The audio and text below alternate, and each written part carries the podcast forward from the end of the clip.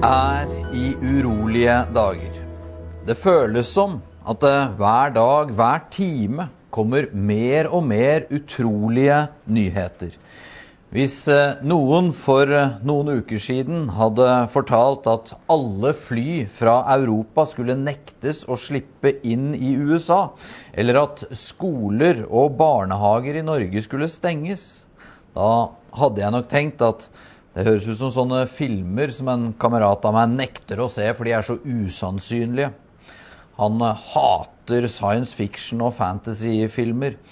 Han er forresten ikke bare for realistiske filmer, han vil også ha realistiske drømmer. Folk drømmer altfor mye rart når de sover. Men eh, dette er dessverre verken en usannsynlig film eller drøm. Dette er virkelig. Og vi står som samfunn og verden i en krise. Min oppgave nå er ikke å fortelle deg om korona. Det har vi heldigvis Folkehelseinstituttet til å gjøre. Det jeg skal gjøre nå, er å si noe av det jeg tror vi kan lære i møte med krisetider. For kriser kommer. Vanligvis kommer de til én eller noen blant oss. Denne gangen har det kommet til oss alle sammen. Og da er målet mitt nå at eh, vi kan la de dagene som ligger foran, ikke bare skape frykt, engstelse og problemer, selv om alt det uunngåelig hører med, men at vi også midt i dette vil kunne finne muligheter til å vokse, til å se litt klarere og leve litt klokere. Så er ønsket mitt for de neste minuttene her at vi skal finne hjelp til det. Vi skal gjøre det gjennom å dele tre ting som kan skje med oss i krisetider hvis vi er våkne. Vi sorterer bedre, vi krangler kortere, og vi stoler på mindre. Det første er altså at vi sorterer bedre, så vi begynner der. Den russiske forfatteren Fjodor Dostojevskijs mesterverk 'Brødrene Karamazov' har en nydelig beskrivelse av fader Sosima, der han beskriver ukene, de siste ukene i livet til storebroren sin Markel, som dør 17 år gammel. Han forteller hvordan denne broren, da han forsto at han skulle dø, fikk en sånn klarhet over alle ting. Han eh, lå i sengen sin på et lite sted i Russland, så ut av vinduet på våren som begynte i hagen utenfor, og han gråt. Han gråt av glede over hvor vakkert alt var, men også av sorg over at han ikke hadde sett dette tidligere. Ja, sa han, det var et slikt nærvær av Gud overalt rundt meg. Fugler, trær, enger, himmel. Før levde jeg i skam, vanæret alt, og merket ikke dets skjønnhet og herlighet. En eh, døende 17-åring som snakker.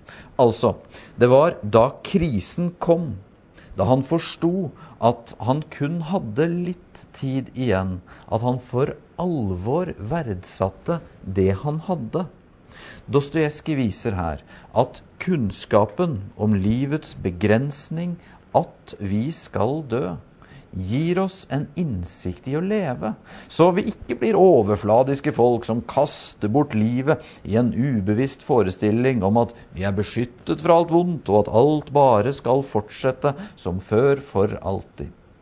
Jeg eh, sto på Coop Extra her på fredag ettermiddag. Stoppet på vei hjem mest for å sjekke om det faktisk var sånn at hyllene med mel virkelig var helt tømt, siden jeg hadde lest at folk drev og hamstret. Og jeg skal innrømme at jeg hadde et lite håp om at mine kjære naboer på Korsvoll var litt bedre. At ikke det var tomt oppe hos oss. Men det var det. Så der inne på Ekstra ble jeg overrasket over min egen reaksjon. Fordi jeg sto ved den tomme hylla og ble nesten litt rørt. For jeg tenkte her er jeg, 41 år gammel, før jeg for første gang skulle se en tom melhylle. Så utrolig heldig jeg er som aldri opplever sånn. Som bare kan stoppe innom ekstra en annen dag og kjøpe mel om jeg skulle trenge det. Altså, Det var først da hylla med mel var tom, at jeg satte skikkelig pris på den. Den eh, svenske forfatteren Joel Halldorf skrev nylig i avisen Ekspressen. I dødens nærhet skjerpes sinnene. Alle som har fått beskjed om at de har kreft eller har stått ved dødsleiet, vet det. Hvordan detaljene som vi tar for gitt, fremstår med en særlig klarhet. Blomstene på bordet, solstrålene som faller gjennom vinduet, en hånd på skulderen. Vi ser hvor vakker verden er, og minnes om hvorfor vi ikke vil forlate den. Hvorfor ingen skulle behøve å forlate den. Så krisetider kan lære oss å sortere bedre.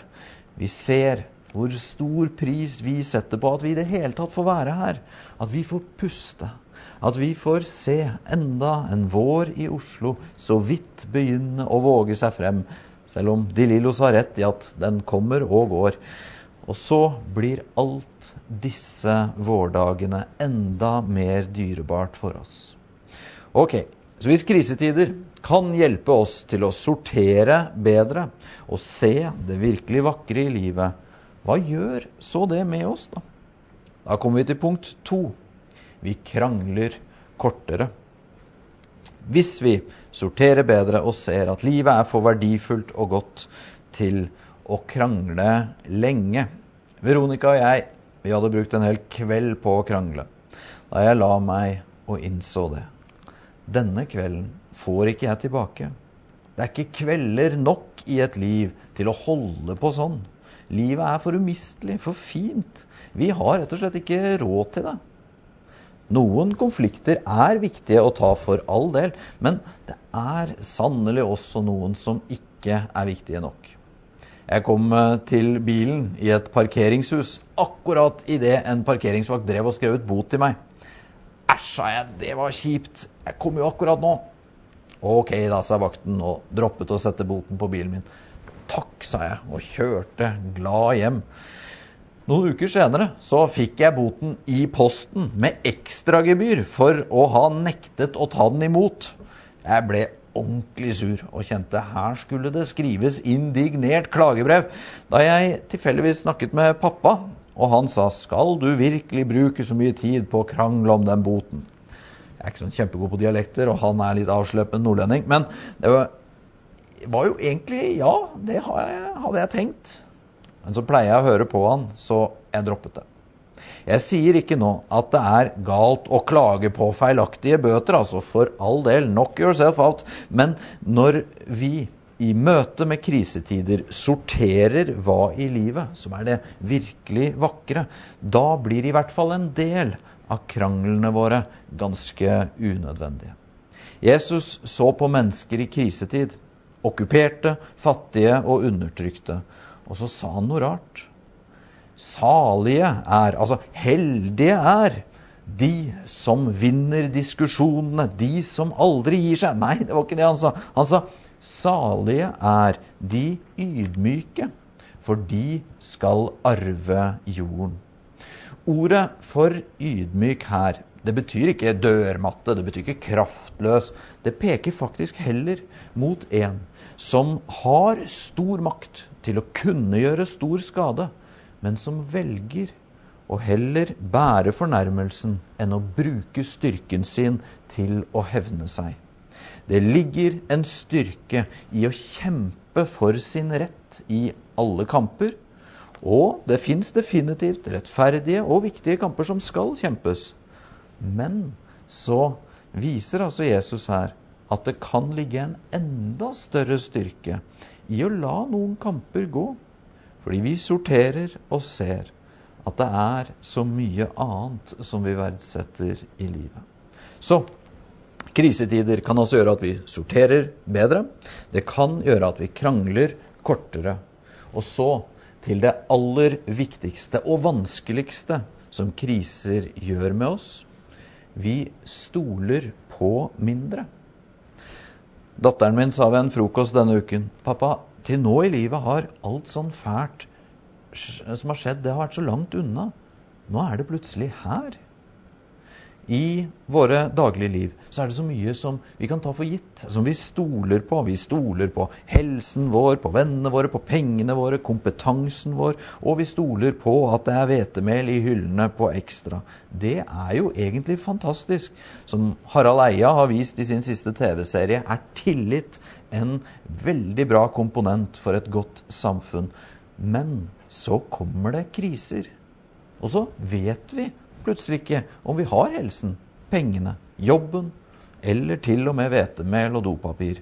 Og sannheten er at alle tingene vi har i livet vårt som vi stoler på, vil en dag være borte. En av Bibelens merkeligste fortellinger er historien om jobb. Jobb han var en sånn klassisk suksesshistorie av en fyr. Han hadde familie, hus, penger. Han hadde et moralsk godt liv som alle gjenkjente og så opp til. Men så kom krisen til jobb. Han mistet alt. Til slutt hadde han ingenting igjen. Heller ikke humøret, motet eller noen som helst tro på at dette kom til å bli bra igjen. Men da ble det også klart for jobb hva han faktisk hadde som ingen krise kunne ta fra han.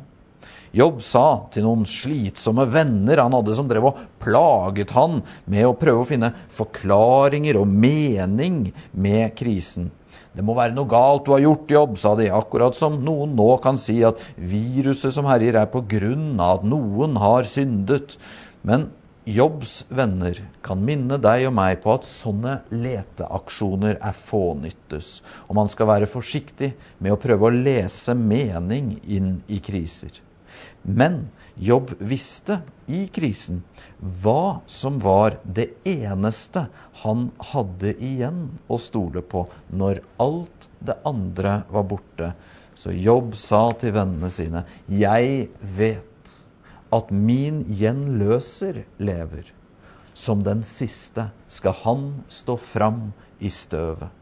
Når huden er revet av meg og kjøttet er borte, så skal jeg se Gud. Mine øyne ser. Det er jeg som får se han, ikke en fremmed. Mitt indre fortæres av lengsel, sa Jobb. I møte med kriser så kan vi se at ja, denne krisen er stor.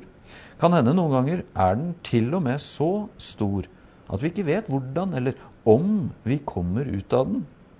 I alle fall kan det ikke skje uten sår og konsekvenser. En uh, ung mor som var døende av kreft, fortalte meg hvordan hun hadde måttet gi opp ting etter ting i løpet av sykdomsforløpet.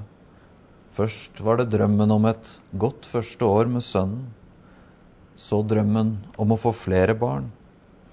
Til slutt var det selv drømmen om å få se sønnen vokse opp. Og da hun fortalte det, så tenkte jeg på salmen Lær meg å kjenne dine veier, der vi synger Og for hvert håp som dør her nede får jeg et håp i himmelen mer. Krisetider kan være en påminner om å stole på mindre. Jobb så det her bli tydelig. Når alt annet sviktet, så visste han at hans gjenløser lever. Altså han som var den aller mektigste, men som ble den minste. Han som hadde all makt til å straffe, men som lot seg selv straffes. Han som en dag vil stå frem og ha det aller siste ordet. Han lever. Og derfor skal jeg leve også om jeg dør. Og når alt annet i våre liv kan rokkes, når alt jeg stolte på rister eller blir borte, da står helt til slutt uansett Jesus igjen.